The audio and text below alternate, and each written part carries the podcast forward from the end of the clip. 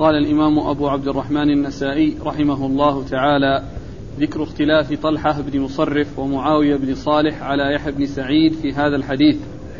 قال أخبرنا محمد بن وهب قال حدثنا محمد بن سلمة قال حدثني أبو عبد الرحيم قال حدثني زيد بن أبي أنيسة عن طلحة بن مصرف عن يحيى بن سعيد عن أنس بن مالك رضي الله عنه أنه قال قدم أعراب من عرينة إلى نبي الله صلى الله عليه وآله وسلم فأسلموا فاجتووا المدينة حتى اصفرت ألوانهم وعظمت بطونهم.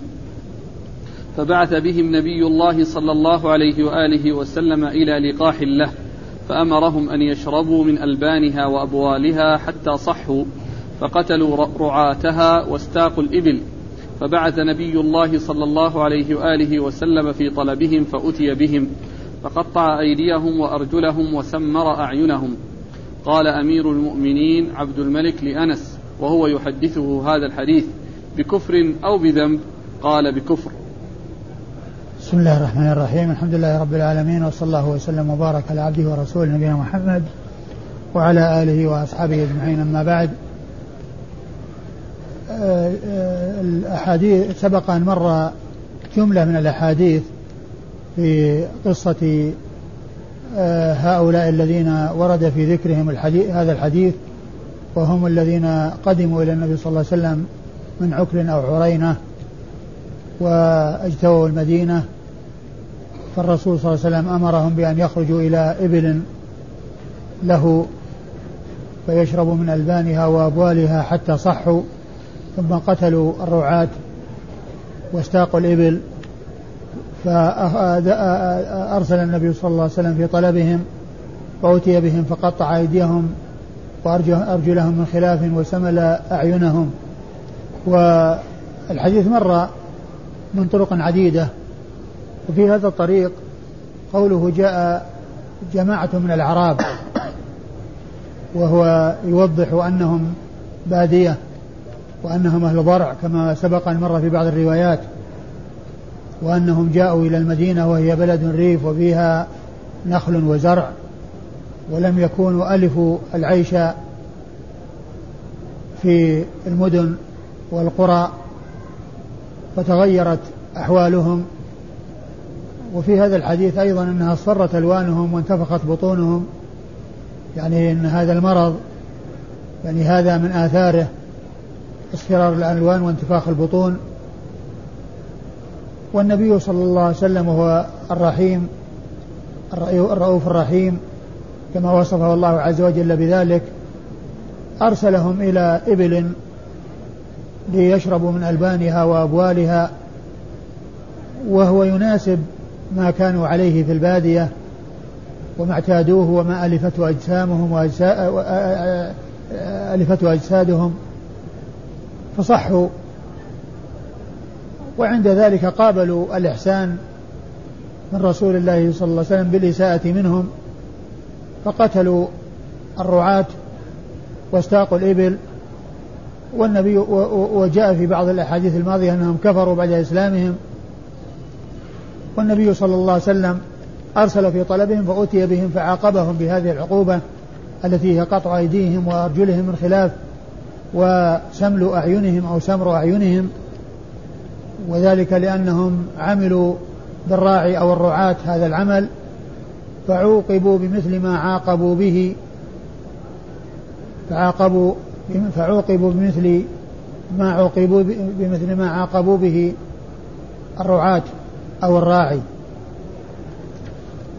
والحديث سبق أن مر من طرق عديدة وهذا واحد من هذه الطرق. تقرأ المثل مرة ثانية. عن أنس بن مالك رضي الله عنه أنه قال قدم أعراب من عرينة إلى نبي الله صلى الله عليه وآله وسلم فأسلموا فاجتووا المدينة حتى اصفرت ألوانهم وعظمت بطونهم فبعث بهم نبي الله صلى الله عليه وآله وسلم إلى لقاح له فأمرهم أن يشربوا من ألبانها وأبوالها حتى صحوا فقتلوا رعاتها واستاقوا الإبل. فبعث نبي الله صلى الله عليه وآله وسلم في طلبهم فأتي بهم فقطع أيديهم وأرجلهم وسمر أعينهم قال أمير المؤمنين عب... نعم. قال أمير المؤمنين عبد الملك لأنس وهو يحدثه هذا الحديث بكفر أو بذنب قال بكفر قال أمير المؤمنين عبد الملك بن مروان وهو يحدث أنس بن مالك بهذا الحديث يعني هذه العقوبة التي عاقبهم إياها هل هم آه، هل هو بكفرهم أو بذنبهم؟ يعني أنهم كفار وعملوا هذه الأعمال فعوقبوا بهذه العقوبة أو أنهم مسلمون أذنبوا وحصل منهم هذا الذنب فعوقبوا بهذه العقوبة قال بل بكفر. أي أن هؤلاء الذين آه، عملوا هذه المعاملة كفار لأنه جاء في بعض الأحاديث ارتدوا بعد إسلامهم.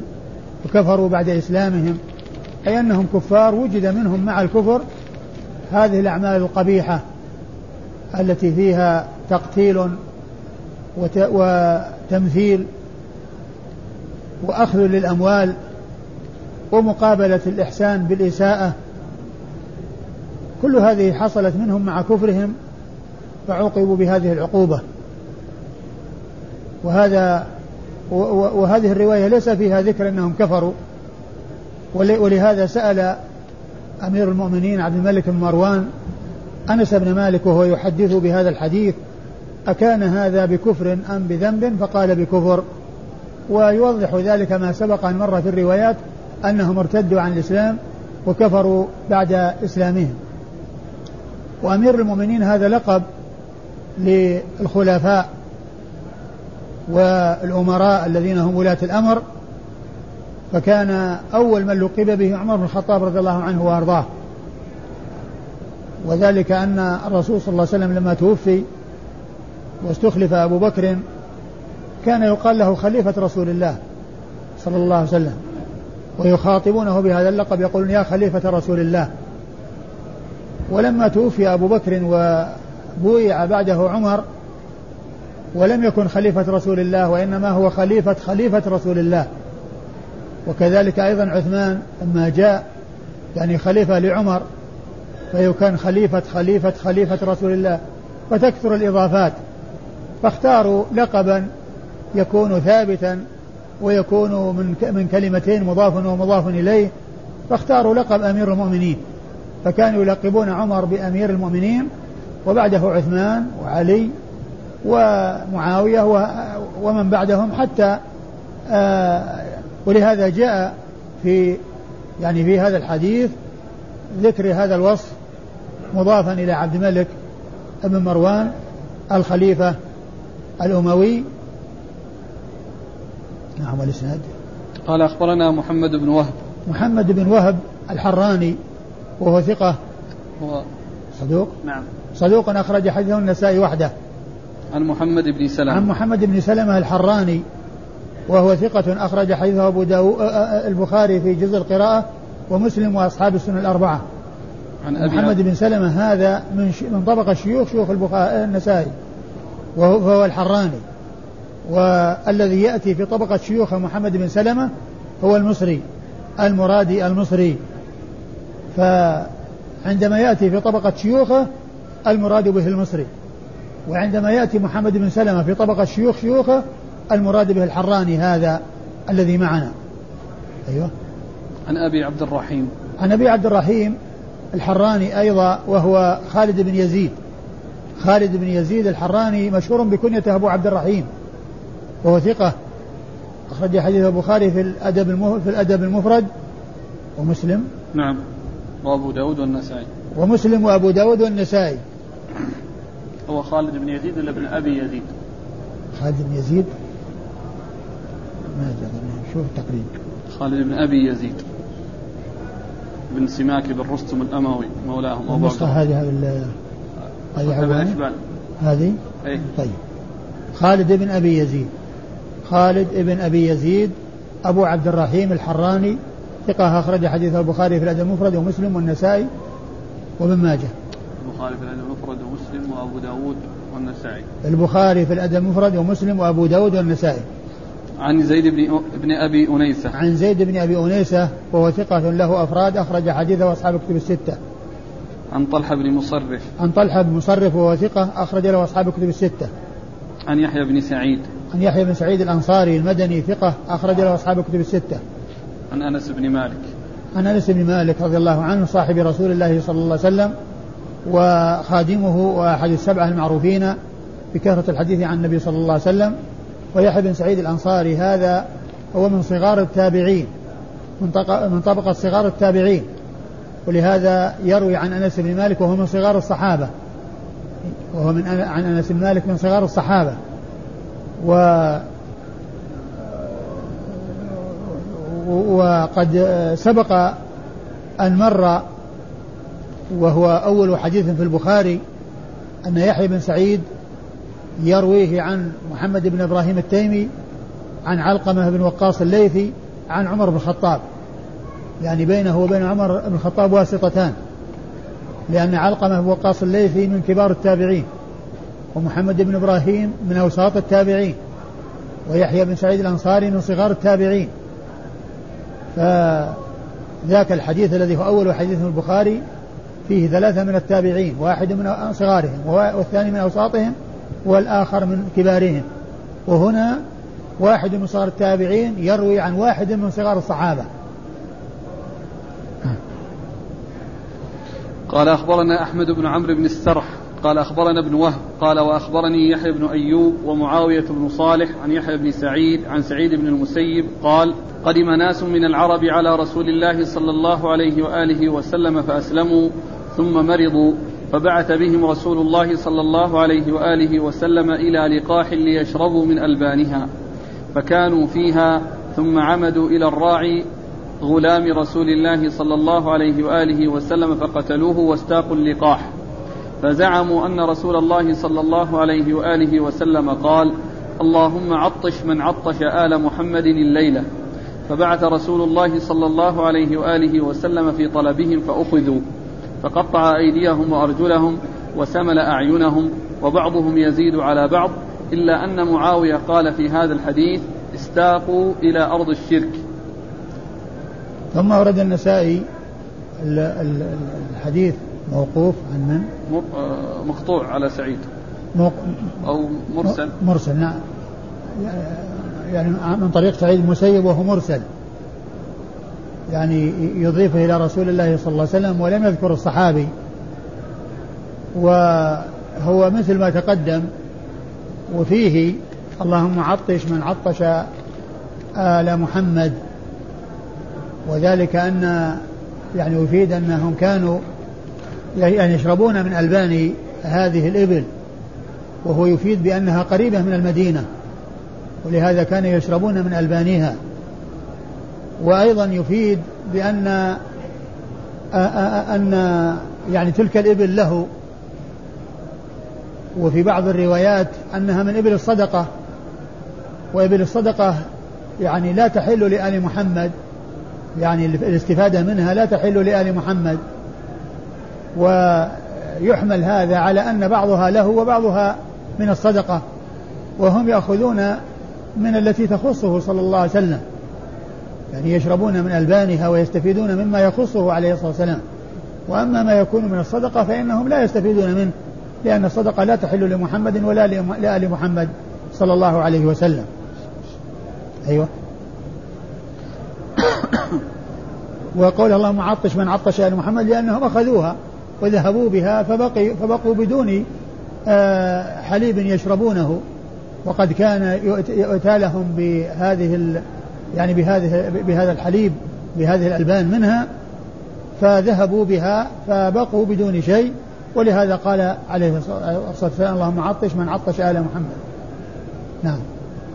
قال في آخره وبعضهم يزيد على بعض إلا أن معاوية وبعضهم يزيد على بعض اللي هم يحيى بن أيوب ومعاوية بن صالح.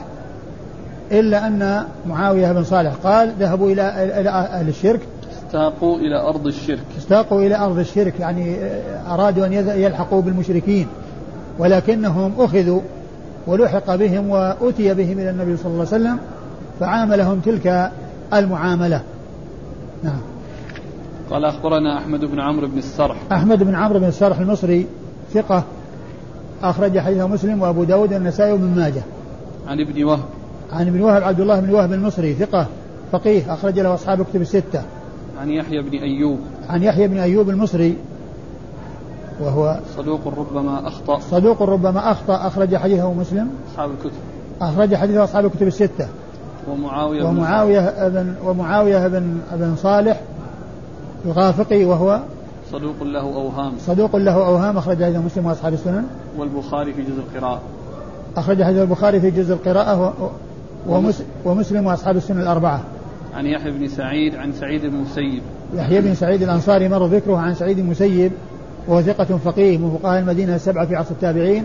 أخرج حديثه وأصحاب الكتب الستة. قال أخبرنا محمد بن عبد الله الخلنجي قال حدثنا مالك بن سعير عن هشام بن عروة عن أبيه عن عائشة رضي الله عنها أنها قالت أغار قوم على لقاح رسول الله صلى الله عليه وآله وسلم فأخذهم فقطع أيديهم وأرجلهم وسمل أعينهم. ثم ورد النسائي الحديث مختصرا وهو من من طريق عائشة. من طريق عائشة موقوف. لا متصل. عائشة قالت أغار قوم نعم. على لقاح. متصل. أغار قوم على لقاح رسول الله صلى الله عليه وسلم فأمر بهم. فأخذهم فقطع أيديهم وأرجلهم وسمل أعينهم. فأخذهم وقطع أيديهم وأرجلهم وسمل أعينهم. فهو مثل ما تقدم إلا أنه مختصر. أيوه والإسناد. قال أخبرنا محمد بن عبد الله الخلنجي. محمد بن عبد الله بن بكر الخلنجي وهو صدوق. نعم. أخرج حديث النسائي وحده. عن مالك بن سعير. عن مالك بن سعير بن الخمس وهو صدوق. لا بأس به. وهو لا بأس به هو بمعنى صدوق. لا بأس به وهي بمعنى صدوق عند الحافظ بن حجر وأخرج حديثه. البخاري والترمذي والنسائي وابن ماجه. البخاري والترمذي والنسائي وابن ماجه. وأبوه مالك وأخو- وأبوه سعير بن الخمس. سعير بن الخمس يعني من اسمه واسم أبيه من الألفاظ المفردة أي التي لم تتكرر التسمية بها. التي لم تتكرر التسمية بها سعير بن الخمس أو اسمه سعير وأبوه الخمس فهي من الأسماء المفردة أي التي ما تكررت التسمية بها. وذكر في ترجمته اللي هو أبوه مالك بن سعير وهو من رجال مسلم آه ذكر في ترجمته أنه أغمي عليه ومكث أياما فظن أنه مات. فغسلوه وكفنوه وذهبوا به ليصلوا عليه ويدفنوه فتحرك. ف يعني أعادوه وعاش بعد ذلك وولد له بعده وولد له ابنه مالك هذا الذي معنا. عاش بعد ذلك وولد له ابنه مالك. هذا الذي معنا في الإسناد الذي هو آه، يروي عنه النسائي هنا. نعم. لا بس نحتاج التثبت فيه. ها؟ مالك بن سعير نحتاج التثبت فيه. إيش فيه؟ لأنه في نسخة أبي الأشبال زيادة أبي داود في القدر. أبو داود في القدر؟ أي. في أبو الأشبال؟ في نسخة أبي الأشبال. إيه. ومعنا عندنا نسخة ثانية. إذا يحتاج إلى يرجع إلى كتاب المزي تحت تهذيب الكمال وهو الذي ينص على الذين خرج لهم أو الذين خرج لهم ينص عليهم بال- بالحروف لا بالرموز بالأسماء. نعم. آه، هذه نسخة ثانية بعناية عادل مرشد. عادل عادل مرشد نعم. التي أخرجتها مؤسسة الرسالة. أيوه. ف عند عند رمز قاف دال قال سبق قلم المصنف فكتب مكان ق- قاف دال ميم. والتصويب من تهذيب الكمال. ورد إيه. يعني ميم هي موجودة هنا؟ لا كانت موجودة في نسخة محمد عوام. أيوه. فهو يقول هي موجودة؟ وفي نسخة الأشبال قاف دال. أيه. فهو يقول سبق قلم المصنف فكتب مكان قاف دال ميم. إيه. فهو صوبها هنا في النسخة. وضع قاف دال والتصويب من تهذيب الكمال. ورواية البخاري له في المتابعات. وهذه من فوائد هذه الطبعة. على كل المتابعات يعني كما هو معلوم يعني آه، معروف أن الرمز بالأصول ولو كان في المتابعات. يعني إذا المتابعات الذي يميز التعليق يعني خاتاء وأما إذا كان في الأصول في المتابعات أو مقرون فإنه يعتبر في الأصول يعني يرمزون له في الأصول. وقد يعني هذه يعني إنها سبق قلم يقول إنه مكانها ميم. ميم هي اللي سبق قلم. سبق قلم إيه؟ ميم. ميم بدل قاف دال إيه نعم. يعني أبو داود في القدر و الترمذي والنسائي. الترمذي والنسائي وال... وابن ماجه. ونعم ابو داود في القدر والترمذي والنسائي وابن ماجه. قبلهم البخاري. والبخاري. أقول يعني هذا المحقق يعتني بهذه المسألة. اللي هو الأخير ذا؟ أي. إيه؟ يعتني يقول مثلا في المتابعات مقرونا. جيد هذا هذه فائدة. في رواية يعني في الصحيحين يعتني بهذا الأمر. أقول جيد. هو أحيانا يذكر ابن حجر يعني في نفس المتن. مثل ما قال في عاصم بن أبي النجود قال وروايته في الصحيحين مقرون. وروايته في الصحيحين مقرون. نعم. عن هشام بن عروة. عن هشام بن عروة وهو ثقة يدلس أخرج حديثه أصحاب كتب الستة. عن أبيه. عن أبيه آه، عروة بن الزبير بن العوام ثقة فقيه من فقهاء المدينة السبعة في عصر التابعين أخرج حديثه أصحاب كتب الستة. عن عائشة, عن عائشة. أم المؤمنين رضي الله عنها وأرضاها الصديقة بنت الصديق. وهي من أوعية السنة وحفظتها وهي واحدة من سبعة أشخاص عرفوا بكثرة الحديث عن النبي صلى الله عليه وسلم. قال أخبرنا محمد بن المثنى. قوله أخبرنا في الإسناد هو هذا ولا اللي قبله؟ لا اللي قبله. اللي قبله اللي هو أخبرنا اللي هو يحيى بن أيوب. نعم. قال وأخبرنا يحيى بن أيوب. كلمة الواو هذه يعني يؤتى بها إذا كان ال ال إذا كان ال قد روى هذا ومعه غيره قبله ومعه غيره قبله وأراد أن يأخذ يعني يترك ما قبله ويذكر, ويذكر يعني آه، آخره فإنه يأتي بالواو حتى يفهم بأنها بأنه فيه شيء قبله ولكنه أتى بما يريده. أتى بما يريده يعني معناه في حديث قبله يعني بهذا الإسناد وهو يشتمل على يعني شيء آخر ولكنه أراد أن يأتي بما يناسب المقام فأتى بالواو على ما هي عليه لأنها أخبرنا فلان بكذا وكذا وأخبرنا بكذا وكذا. فهو مراده ما بعد الواو وهو أخبرنا فأتى بها ولم يقل أخبرنا فقط لأنها ما جاءت من آه، الشيخ بهذا اللفظ وإنما جاءت وأخبرنا معطوفة على ما قبلها. والراوي آه، آه، ترك ما قبلها وأتى بما بعدها وأتى بالواو حتى يفهم منه أن فيه شيء محذوف والواو تدل عليه. نعم.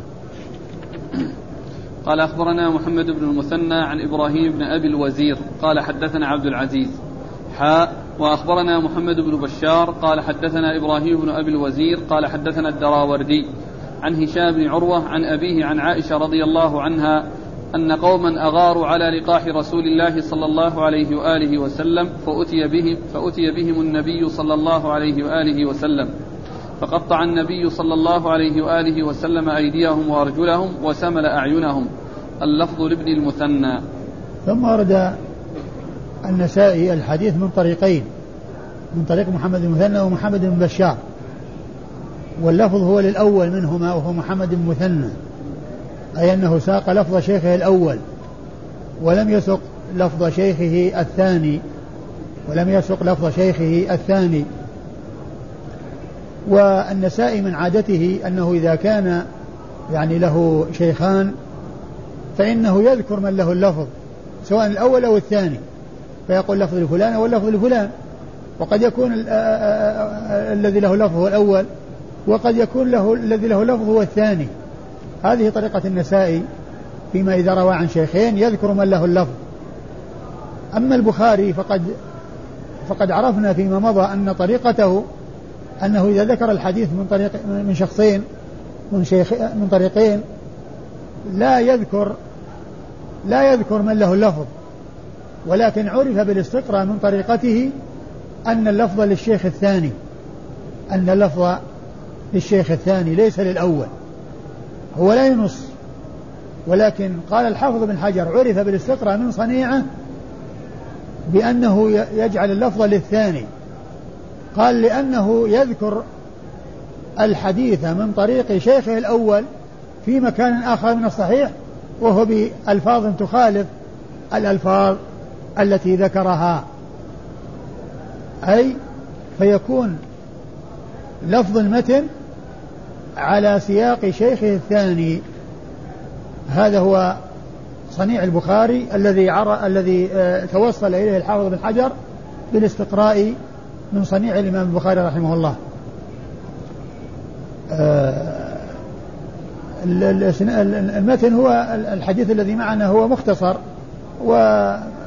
وهو مثل ما تقدم والإسناد أخبرنا محمد المثنى هو أبو موسى العنزي الزمن ثقة أخرج له أصحاب الكتب الستة بل هو شيخ لأصحاب الكتب الستة.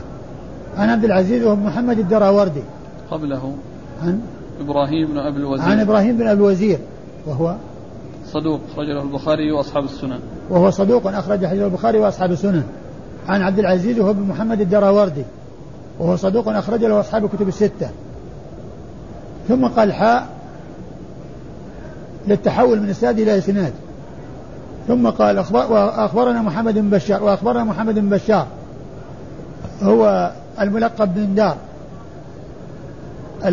البصري ثقة أخرج له أصحاب الكتب الستة بل هو شيخ لأصحاب الكتب الستة. ومحمد بن بشار ومحمد المثنى شيخاه في هذا الإسناد من صغار شيوخه وهما بصريان. واتفقا في الشيوخ والتلاميذ وفي سنة الوفاة وسنة الولادة. وقال الحافظ في التقريب في ترجمة محمد المثنى وكان هو محمد بن بشار كفرس ريهان يعني معناه أنهما متماثلان. ومات في سنة واحدة وهي سنة اثنتين وخمسين ومائتين. أي قبل وفاة البخاري بأربع سنوات. ومحمد بن بشار كمحمد المثنى أخرج حديث أصحاب الكتب الستة وهو أيضا شيخ لأصحاب الكتب الستة. نعم. عن إبراهيم بن أبي الوزير عن الدراوردي. عن إبراهيم بن الوزير مر ذكره. الدراوردي هو عبد العزيز. ذكر في الأول باسمه وفي الثاني بنسبته. نعم. عن هشام بن عروة عن أبيه عن عائشة. عن هشام بن عروة عن أبيه عن عائشة وقد مر ذكرهم. قال أخبرنا عيسى بن حماد قال أخبرنا الليث عن هشام عن أبيه أن قوما أغاروا على إبل رسول الله صلى الله عليه وآله وسلم فقطع أيديهم وأرجلهم وسمل أعينهم. أن قوما؟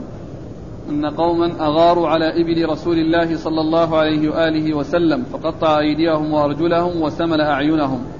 ثم ورد النسائي الحديث مرسلا عن عروة بن الزبير وهو مثل ما تقدم وهو مختصر. نعم. قال أخبرنا عيسى بن حماد. أخبرنا عيسى بن حماد المصري وهو ثقة أخرج حديث مسلم وأبو داود. نعم. والنسائي وابن ماجه. مسلم وأبو داود والنسائي وابن ماجه. عن الليث. عن الليث بن سعد المصري ثقة فقيه أخرج له أصحاب الكتب الستة. عن هشام عن أبيه. عن هشام عن أبيه وقد مر ذكرهما.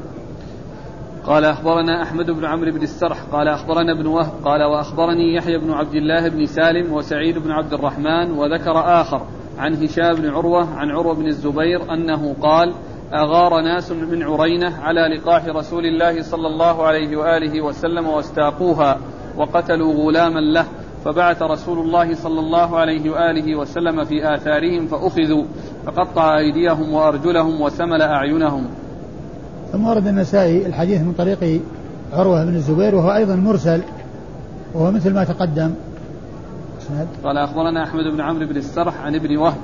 أحمد بن عمرو السرح عن ابن وهب مر ذكرهما؟ قال وأخبرني يحيى بن عبد الله بن سالم. قال وأخبرني يحيى بن عبد الله بن سالم. يحيى بن عبد الله بن سالم هو صدوق أخرج له مسلم وأبو داود والنسائي. صدوق أخرج له مسلم وأبو داود والنسائي. و وسعيد بن عبد الرحمن. وسعيد بن عبد الرحمن الجمحي وهو صدوق له أوهام. نعم. صدوق له أوهام أخرج حديثه. البخاري في خلق أفعال العباد ومسلم وأبو داود والنسائي وابن ماجه. البخاري في خلق أفعال العباد ومسلم وأبو داود والنسائي وابن ماجه. وذكر آخر. وذكر آخر هو آه، عبد الله بن لهيعة؟ عبد الله بن لهيعة المصري. وهؤلاء مصريون نعم. لكن أحسن الله إليك. في النكت الظراف. ها؟ في النكت الظراف ابن حجر. ها؟ قال هو عبد الله بن زياد بن سمعان. هذا؟ إيه. هو غالبا إذا قال النسائي ورجل آخر يقصد باللهيعة لأنه كان لا يسميه ولا يروي عنه وإذا كان معه غيره فإنه لا يسميه. فأنا ما رأيت نكت الظراف ولكن جريا على الغالب على صنيع النسائي أنه يذكر ابن لهيعة مع غيره. هنا سماه؟ سماه؟ هنا ذكر آخر. لا اللي سماه اللي هو ابن حجر؟ أي نعم سمى هذا الرجل الآخر؟ نعم. وهو؟ قال عبد الله بن زياد بن سمعان. عبد الله بن زياد بن سمعان. ويعني هو هل روى له النسائي؟ شوفوا التقريب إن هو هو في النكت ضراب قال آه، أخرج الطبري بسنده هذا الحديث وذكر الآخر هو عبد الله بن زياد. الطبري إيه. آه. لكن شوف هل هو من رجال النسائي؟ يعني يمكن مثل من لهيعه انها يعني آه لا يسميه. أظن هو ضعيف كأني رأيت سابقا. إيه، هنا عبد الله بن زياد بن سليمان بن سمعان المخزومي وقد إيه. ينسب إلى جده. إيه؟ أبو عبد الرحمن المدني قاضيها. إيه؟ متروك. اتهمه بالكذب أبو داود وغيره؟ من السابعة أخرج له أبو داود في المراسيل وابن ماجه. يعني ما روى له النسائي. لا. ولهذا يعني اكتفى بإبهامه. أي نعم. يعني هو أسوأ من ابن لهيعة يعني يعني هين أمره لأنه احترقت كتبه فصار يعني بعدها يعني ساء حفظه. وأما هذا فقال عنه متروك وتهم بالكذب. نعم. أيوه. لا بس في الأخير. أنه في آخر في المبهمات. في عند عبد الله بن وهب. ذكر أنه أحيانا يهمل هذا الرجل وهو لكنه في غير هذه الرواية اللي معنا.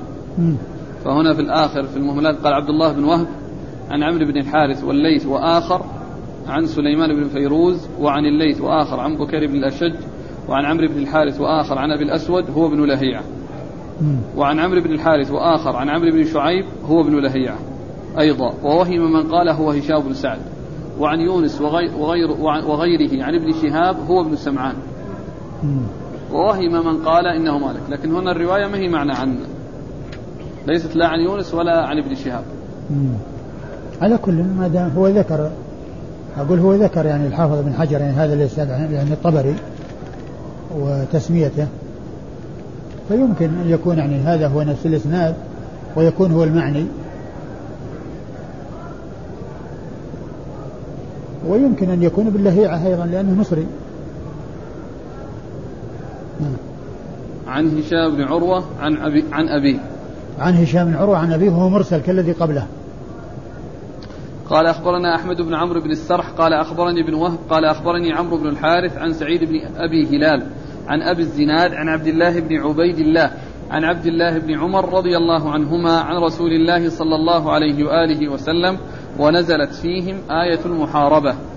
ثم ورد النسائي حديث عبد الله بن عمر رضي الله تعالى عنهما وفيه ونزلت فيهم آية المحاربة. يعني ذكر يعني هو مختصر لأنه يتعلق بالعرنيين وقصتهم وفيه أنها نزلت فيهم آية المحاربة لأن المقصود به هو العرنيين وهنا ذكره مختصر. نعم. قال أخبرنا عمرو بن أحمد بن عمرو بن السرح عن, عن ابن وهب وقد مر ذكرهما عن عمرو بن الحارث عن عمرو بن الحارث المصري وهو ثقة أخرج له أصحاب الكتب الستة عن سعيد بن أبي هلال عن سعيد بن أبي هلال المصري وهو صدوق أخرج له أصحاب الكتب الستة عن أبي الزناد عن أبي الزناد عبد الله بن ذكوان المدني وهو ثقة أخرج له أصحاب كتب الستة. عن عبد الله بن عبيد الله. عن عبد الله بن عبيد الله بن بن عمر آه، وهو مقبول أخرج حديثه. أبو داود والنسائي. أبو داود والنسائي. عن ابن يروي عن عن عن عمه عبد الله بن عمر رضي الله تعالى عنهما وهو أحد العبادلة الأربعة من أصحاب النبي صلى الله عليه وسلم وأحد السبعة المعروفين بكثرة الحديث عن النبي صلى الله عليه وسلم.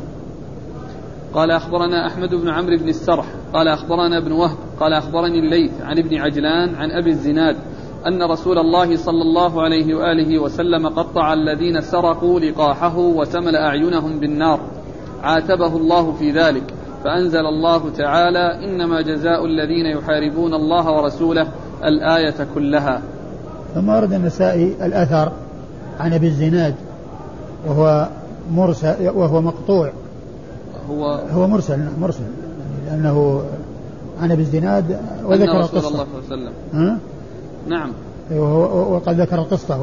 وأبو الزناد يعني طبعا يروي عن عبد الرحمن بن هرمز يروي عن أبي هريرة عن أبي هريرة يعني فهو مرسل.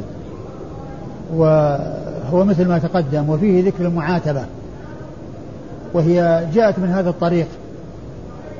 و يعني ليس بواضح يعني كونه عوتب لأنه آه، الآية نزلت وبينت الحكم وهو يعني مطابق لما فعله رسول الله صلى الله عليه وسلم وأن القتل مماثل للقتل يعني آه، الذين مثلوا بالرعاة فمثل بهم ولكونهم محاربين قطعت أيديهم وأرجلهم من خلاف قطعت أيديهم وأرجلهم من خلاف كما جاء ذلك في القرآن. أيوه. قال أخبرنا أحمد بن عمرو بن السرح عن ابن وهب عن الليث عن ابن عجلان. مر ذكر هؤلاء إلى ابن عجلان وهو المدني محمد بن عجلان المدني وهو صدوق أخرج حديثه البخاري تعليقا ومسلم وأصحاب السنة الأربعة. عن أبي الزناد. عن أبي الزناد وقد مر ذكره. الآن هذا الحديث يصح؟ والألباني ذكره في الضعيفة طبعا وهذا طبعا فيه مرسل والمرسل لا يصح وأما غيره ففي يعني أوله يعني مر. أنهم يعني حصل منهم كذا وفعل منهم كذا إلا ذكر المعاتبة. في هذا اللفظ هو ما فيه يعني هو وجه النكارة اللفظ هذا. أي نعم. يعني لا وأيضا من ناحية يعني كونه منقطع كونه منقطع والذي فيه النكارة هو هذا المعاتبة. قال أخبرنا الفضل بن سهل الأعرج قال حدثنا يحيى بن غيلان ثقة مأمون قال حدثنا يزيد بن زريع عن سليمان التيمي عن أنس رضي الله عنه أنه قال إنما سمل النبي صلى الله عليه وآله وسلم أعين أولئك لأنهم سملوا أعين الرعاة. ثم ورد النسائي الحديث عن أنس بن مالك رضي الله عنه وفيه بيان أن النبي صلى الله عليه وسلم إنما سمل أعينهم لأنهم سملوا أعين الرعاة يعني أنهم عوقبوا بمثل ما عاقبوا به عاقبوا بمثل عوقبوا بمثل ما عاقبوا به. العقوبة التي أنزلوها بالرعاة أنزلها بهم رسول الله صلى الله عليه وسلم. هذا هو السر في كونه مثل بهم لأنهم مثلوا بالرعاة. نعم. قال أخبرنا الفضل بن سهل الأعرج. وهو ثقة. أخرج حديث أصحاب الكتب الستة إلا ابن ماجه. ثقة ولا صدوق؟ صدوق. صدوق. أخرج حديث أصحاب الكتب الستة إلا ابن ماجه. عن يحيى بن غيلان. عن يحيى بن غيلان وهو ثقة. أخرج حديثه مسلم والترمذي والنسائي. مسلم والترمذي والنسائي. عن يزيد بن زريع. عن يزيد بن زريع يزيد بن زريع نعم وهو ثقة أخرج له أصحاب الكتب ثقة أخرج له أصحاب الكتب الستة. عن سليمان التيمي. عن سليمان بن طرخان التيمي وهو ثقة أخرج له أصحاب الكتب الستة. عن أنس. عن أنس بن مالك رضي الله عنه وقد مر ذكره قال أخبرنا أحمد بن عمرو بن السرح والحارث بن مسكين قراءة عليه وأنا أسمع قال حدثنا ابن وهب قال أخبرني محمد بن عمرو عن ابن جريج عن أيوب عن أبي قلابة عن أنس بن مالك رضي الله عنه أن رجلا من اليهود قتل جارية من الأنصار على حلي لها وألقاها في قليب ورضخ رأسها بالحجارة فأخذ فأمر به رسول الله صلى الله عليه وآله وسلم أن يرجم حتى يموت. ثم ورد النسائي حديث آه، حديث أنس, أنس بن مالك رضي الله عنه في قصة اليهودي الذي قتل جارية آه، من الأنصار على حلي يعني من أجل حلي من أجل يأخذ الحلي الذي معها قتلها ورد رأسها بين حجرين. فالرسول صلى الله عليه وسلم أمر وألقاها. وألقاها. وألقاها في بئر. فالرسول صلى الله عليه وسلم أمر بأن يرجم بالحجارة حتى يموت أي أنه يرد رأسه بين حجرين. يعني لا أنه يرجم الرجم الذي يعني هو رجم الزاني الذي يرمى من كل جهة لأن الزاني يعني يرمى يعني من جميع الجهات لأن اللذة التي حصلت له بسبب الزنا استوعبت جسده. فهو عوقب بأن يرمى بالحجارة من, من يعني على جسده حتى يموت. وأما هذا رد رأسه بين حجرين فالروايات الصحيحة أنه يرد رأسه بين حجرين. ويحمل قوله يرجم الحجارة حتى يموت يعني أنه يرد بين حجرين حتى يموت. يجعل تحت رأسه حجر ويرد على حجر فوقه ويرد بهذا الحجر على الحجر الذي تحت حتى يموت. وليس المقصود بأنه يرجم كما يرجم الزاني. نعم. قال أخبرنا أحمد بن عمرو بن السرح والحارث بن مسكين قراءة عليه وأنا أسمع. أحمد بن عمرو بن السرح مر ذكره والحارث المسكين المصري ثقة أخرج حديث أبو داود والنسائي. عن محمد عن ابن وهب عن محمد بن عمرو. عن محمد بن وهب مر ذكره عن محمد بن عن محمد عن, ابن وهب. أيه. عن, عن ابن وهب عبد الله مر ذكره. عن محمد بن عمرو هو اليافعي وهو صدوق. صدوق له أوهام. صدوق له أوهام. له أخرج له مسلم والنسائي. صدوق له أوهام أخرج حديث مسلم والنسائي. عن ابن جريج. عن ابن جريج عبد الملك بن جريج المكي ثقة فقيه يرسل ويدلس حديثه أخرجه أصحاب الكتب الستة. عن أيوب. عن أيوب بن أبي تميم السختياني ثقة أخرج له أصحاب الكتب الستة. عن أبي قلابة. عن أبي قلابة عبد الله بن زيد الجرمي ثقة أخرج له أصحاب الكتب الستة. عن أنس. عن أنس رضي الله عنه وقد مر ذكره. بمناسبة ذكر محمد بن عمرو إيه؟ اللي كنا وقفنا أيه فيه نعم راجعته؟ أي نعم وش وجدته؟ محمد بن عمرو بن علقمة بن علقمة؟ نعم أيوه يعني في من من خلال من خلال ترجمة تلميذه أي التلاميذ؟ محمد بن عبد الله بن المثنى الأنصاري الأنصاري إيه؟ إيه. إيه. لأن في ترجمة عبد الوهاب بن عبد المجيد أنا قلت لكم ما وجدته. أي. وفي ترجمة موسى بن عقبة شيخنا ما وجدته. نعم. نعم. وفي ترجمته هو محمد بن عمرو بن علقم الليثي. نعم. ذكروا أن من تلامذة ممن روى عنه محمد بن عبد الله الأنصاري. أيوه. نعم. ولكن لم يذكروا في ترجمته أنه روى روى عن عن أبي الزناد ولا روى عن موسى بن عقبة ولا من تلامذته عبد الوهاب. أيوه. على كل الله تعالى أعلم. قال يعني لعله هذا. أقول لعله هذا. قال أخبرنا يوسف بن سعيد. قال حدثنا حجاج عن ابن جريج. قال أخبرني معمر عن أيوب عن أبي قلابة عن أنس رضي الله عنه أن رجلا قتل جارية من الأنصار على حلي لها ثم ألقاها في قليب ورضخ رأسها بالحجارة فأمر النبي صلى الله عليه وآله وسلم أن يرجم حتى يموت. كل الروايتين فيها يرجع؟ ها؟ كل الروايتين نعم كلا الروايتين. نعم ثم ورد النسائي حديث أنس بن مالك من طريق أخرى وهو مثل ما تقدم. نعم. قال أخبرنا يوسف بن سعيد. يوسف بن سعيد المصيصي وهو ثقة أخرج حديث النسائي وحده. عن حجاج. عن حجاج بن محمد المصيصي ثقة أخرجه أصحاب الكتب الستة. عن ابن جريج عن معمر. عن ابن جريج مر ذكره عن معمر وهو بن راشد الأزدي البصري ثم اليماني. ثقة أخرج له أصحاب الكتب الستة. عن أيوب عن أيوب عن أبي قلابة عن أنس. وقد مر ذكر هؤلاء الثلاثة. أحسن الله إليك ذكر هذا هذين الحديثين تحت ترجمة قول تأويل قول الله عز وجل إنما جزاء الذين يحاربون الله إلى آخر الآية. يعني هل هذا يعتبر من جنس المحاربة؟ لا مو من جنس المحاربة يعني إذا المحاربة يعني يكون فيه يعني يعني هذا قتل فقتل كما قتل واقتص منه كما فعل لكنه ذكره على اعتبار أنه أنه قتل وأنه يعني فعل به كما فعل مثل ما حصل بالنسبة للمحاربين. لكن من قتل يعني خفية يعني مثل هذا القتل لا يقال له محاربة لكنه قتل فيقتل القاتل كما قتل. إلا إذا كان قتله بأمر محرم يعني لا يجوز أن يعاقب به فإنه يقتل بغير ذلك. وإلا إذا كان يعني مثل هذا رض الرأس بين حجرين فرد الرأس بين حجرين رد رأسه بين حجرين. طيب من يخيف الناس في بيوتهم ويهجم عليهم ويسرق منهم؟ وقد يترتب على ذلك أنه يعني قد يحصل منه قتل أو دون القتل؟ يطبق في حده حد المحاربة أو فقط؟ يعني هذا إذا حصل أنه يعني آه شيء يقتضي هذا يمكن أن يقتل تعزيرا.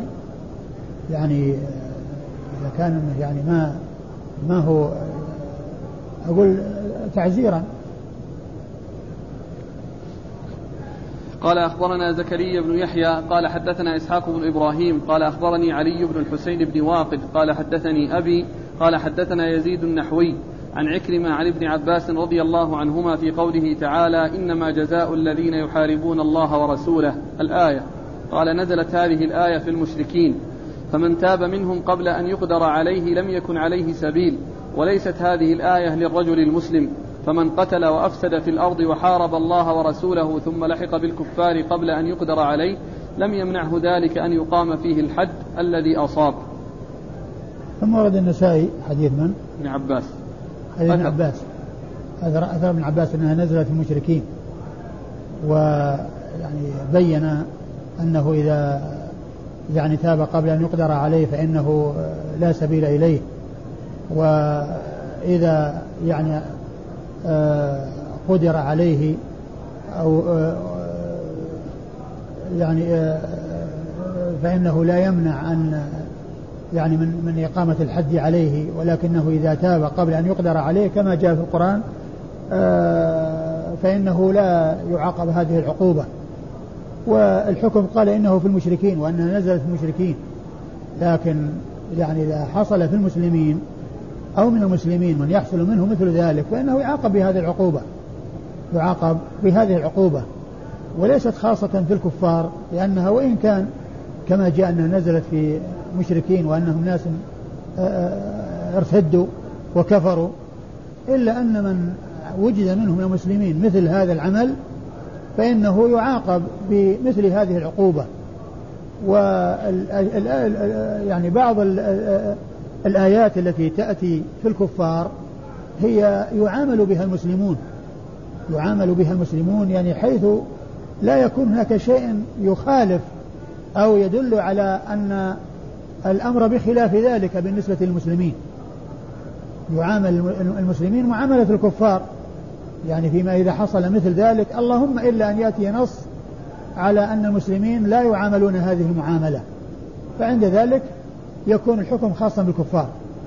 وهو قال إن نزل في المشركين لكن لا يعني أن ما نزل بالمشركين لا يطبق على المسلمين إذا وجد منهم هذا الذي يقتضي ذلك وهو المحاربة. نعم. يعني ابن عباس رضي الله عنهما يفرق بين الكافر والمسلم. يعني هي يعني يبدو أنها نزلت أنها نزلت في هؤلاء. يعني ليست في المسلمين نزلت في الكفار ليست في المسلمين. من حيث العقاب. لا هو إيش قال في الآخر؟ قال وليست؟ وليست هذه الآية للرجل المسلم. هذا هو. يعني يعني يبدو والله أعلم أنها أنها ليست أنها يعني ما نزلت إلا في هؤلاء.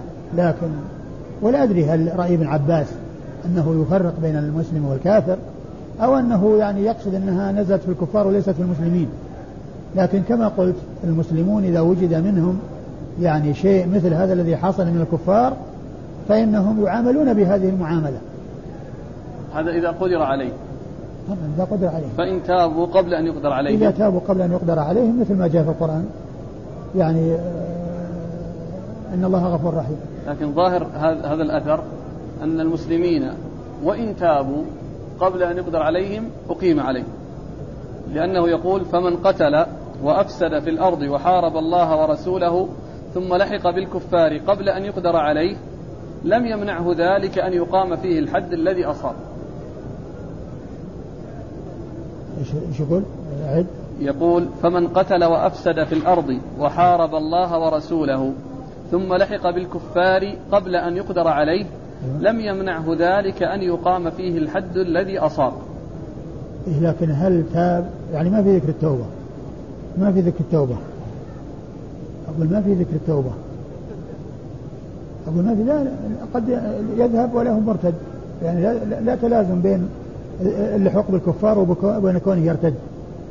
نعم يمكن أن يلحق مرتدا ويمكن أن يلحقه على على دينه. نعم قال أخبرنا زكريا بن يحيى. زكريا بن يحيى السجزي ثقة أخرج حديث النسائي وحده. عن إسحاق بن إبراهيم. إسحاق بن إبراهيم إبراهيم هو بن راهوية يروي عنه النسائي بواسطة. يعني وهو يروي عنه كثيرا بدون واسطة. ويعني آه، يأتي آه، مرارا أنه يروى عنه عنه بواسطة زكريا بن يحيى السجزي. يعني مر في مواضع عديدة أن النسائي يروي عن إبراهيم عن إسحاق بن إبراهيم بواسطته وهو يروي عنه كثيرا بدون واسطة. ولعل ذلك لأنه هذا الحديث ما أخذه عنه ولكنه أخذه بواسطة فأتى به كما وصل إليه. نعم. عن علي بن الحسين بن واقد. عن علي بن الحسين بن واقد وهو صدوق. صدوق يهم. صدوق يهم أخرج حديثه. البخاري في الأدب المفرد ومسلم في المقدمة وأصحاب السنن. البخاري في الأدب المفرد ومسلم في مقدمة الصحيح وأصحاب السنن الأربعة. عن أبيه حسين بن واقد وهو ثقة له أوهام. ثقة له أوهام أخرج حديثه. البخاري تعليقا ومسلم وأصحاب السنن البخاري تعليقا ومسلم وأصحاب السنن الأربعة. عن يزيد النحوي. عن يزيد ابن ابن أبي سعيد. يزيد بن أبي سعيد النحوي وهو ثقة. له البخاري في الأدب المفرد. أخرج حديث البخاري في الأدب المفرد. وأصحاب السنن وأصحاب السنن الأربعة. عن عكرمة. عن عكرمة هو ابن عباس وهو ثقة أخرج له أصحاب الكتب الستة. عن ابن, عن ابن عباس عبد الله بن عباس بن عبد المطلب ابن عم النبي صلى الله عليه وسلم. وأحد العبادلة الأربعة من الصحابة وأحد السبعة المعروفين بكثرة الحديث عن النبي صلى الله عليه وسلم. قال النهي عن المثلة. قال أخبرنا محمد بن المثنى. قال حدثنا عبد الصمد. قال حدثنا هشام عن قتادة عن أنس رضي الله عنه أنه قال كان رسول الله صلى الله عليه وآله وسلم يحث في خطبته على الصدقة وينهى عن المثلة. ثم ورد النسائي هذه الترجمة النهي عن المثلة. والمثلة هي التمثيل بالمقتول. عندما يقتل يمثل به. آه لما ذكر النسائي الحديث الذي قبل هذا أو الأحاديث التي قبل هذا وفيها تمثيل يعني بالمقتول حيث أنه سمل أعينهم يعني سمل أعينهم وسمر أعينهم وهذا تمثيل. ولكن آه ذلك في مقابل تمثيلهم. بالرعاة كما جاء عن أنس. يعني عوقبوا بمثل عاقبوا بمثل ما عاقبوا به. وبعد ذلك أورد هذه الترجمة وهي المثلة. أي النهي عن المثلة. والتوفيق بين ما جاء هنا وما جاء قبل ذلك أن ذاك في مقابل عقوبة. وأما هنا بدون عقوبة. يعني النهي عن التمثيل فيما إذا لم يكن هناك عقوبة على تمثيل. وأما إذا مثل يمثل به كما مثل. يعني يقتل كما قتل. إذا قتل بتمثيل يقتل بتمثيل. إلا كما قلت إذا كان في أمر محرم فإنه لا يصار إلى فعل الأمر المحرم الذي يقتل به. ولكنه إذا قتل بطريقة يعني بها تمثيل فيمثل به. فالتوفيق بين ما جاء في حديث العرانيين وما جاء في هذا الحديث الذي نهي عن مثله أن ذاك جزاء وفاقا وعقوبة مماثلة. وأما هذا يعني بدون عقوبة. ولهذا الرسول صلى الله عليه وسلم كان إذا أمر أميرا على جيش يعني أوصى بتقوى الله وذكر أنهم لا يمثلون. لا تفعلوا كذا ولا تمثلوا. يعني لا يق... إذا قتلوا الكافر وحن يمثلون به وإنما لا لا يمثلون. فإذا لا تنافي بين ما جاء من النهي هنا وما جاء من الفعل آه، المتقدم في العرنيين في التمثيل بهم نعم الإسناد قال أخبرنا محمد بن المثنى عن عبد الصمد آه من هو الصحابي؟ أنس نعم آه, محمد المثنى مر ذكره عن عبد الصمد بن عبد الوارث وهو ثقة أخرج حديثه أصحاب كتب الستة. الصمد بن عبد الوارث صدوق. صدوق؟ نعم. صدوق أخرج حديثه أصحاب كتب الستة. عن هشام. عن هشام بن أبي عبد الله الدستوائي ثقة أخرج له أصحاب كتب الستة. عن قتادة. عن قتادة بن دعامة السدوسي ثقة أخرج له أصحاب الكتب الستة. عن أنس. عن أنس وقد مر ذكره. حديث كان رسول الله صلى الله عليه وآله وسلم يحث في خطبته على الصدقة وينهى عن المثلة قوله في خطبته يعني معناه أن هذا جاء على المنبر ومما حث عليه رسول الله صلى الله عليه وسلم يعني كان يحث عن الصدقة وينهى عن المثلة. يعني هل كان ذلك في خطب جمعة؟ لا لا ما هو دائما. ما هو دائما ولكنه يعني حصل حصل منه يعني يعني مرارا. ولا يعني ذلك أن كان تدل على الدوام في جميع الخطب وإنما يعني معناه أن تكرر منه. وقد سبق أن مر أن كان قد لا تأتي للتكرار الدائم وإن كانت تأتي إلا أنها لا أنها تأتي أحيانا لغير التكرار بل تأتي في المرة الواحدة. كما سبق أن ذكرت عن عائشة رضي الله عنها أنها قالت كنت أطيب رسول الله صلى الله عليه وسلم لإحرامه قبل أن يحرم ولحله قبل أن يطوف بالبيت. محل الشاهد قولها لحله قبل أن يطوف بالبيت لأنه ما حج إلا مرة واحدة. ما حج إلا مرة واحدة. فهي طيبته لحله قبل أن يطوف بالبيت يعني في حجة الوداع. فلم يكن ذلك متكررا. والله تعالى أعلم وصلى الله وسلم وبارك على عبده ورسوله نبينا محمد وعلى آله وأصحابه أجمعين.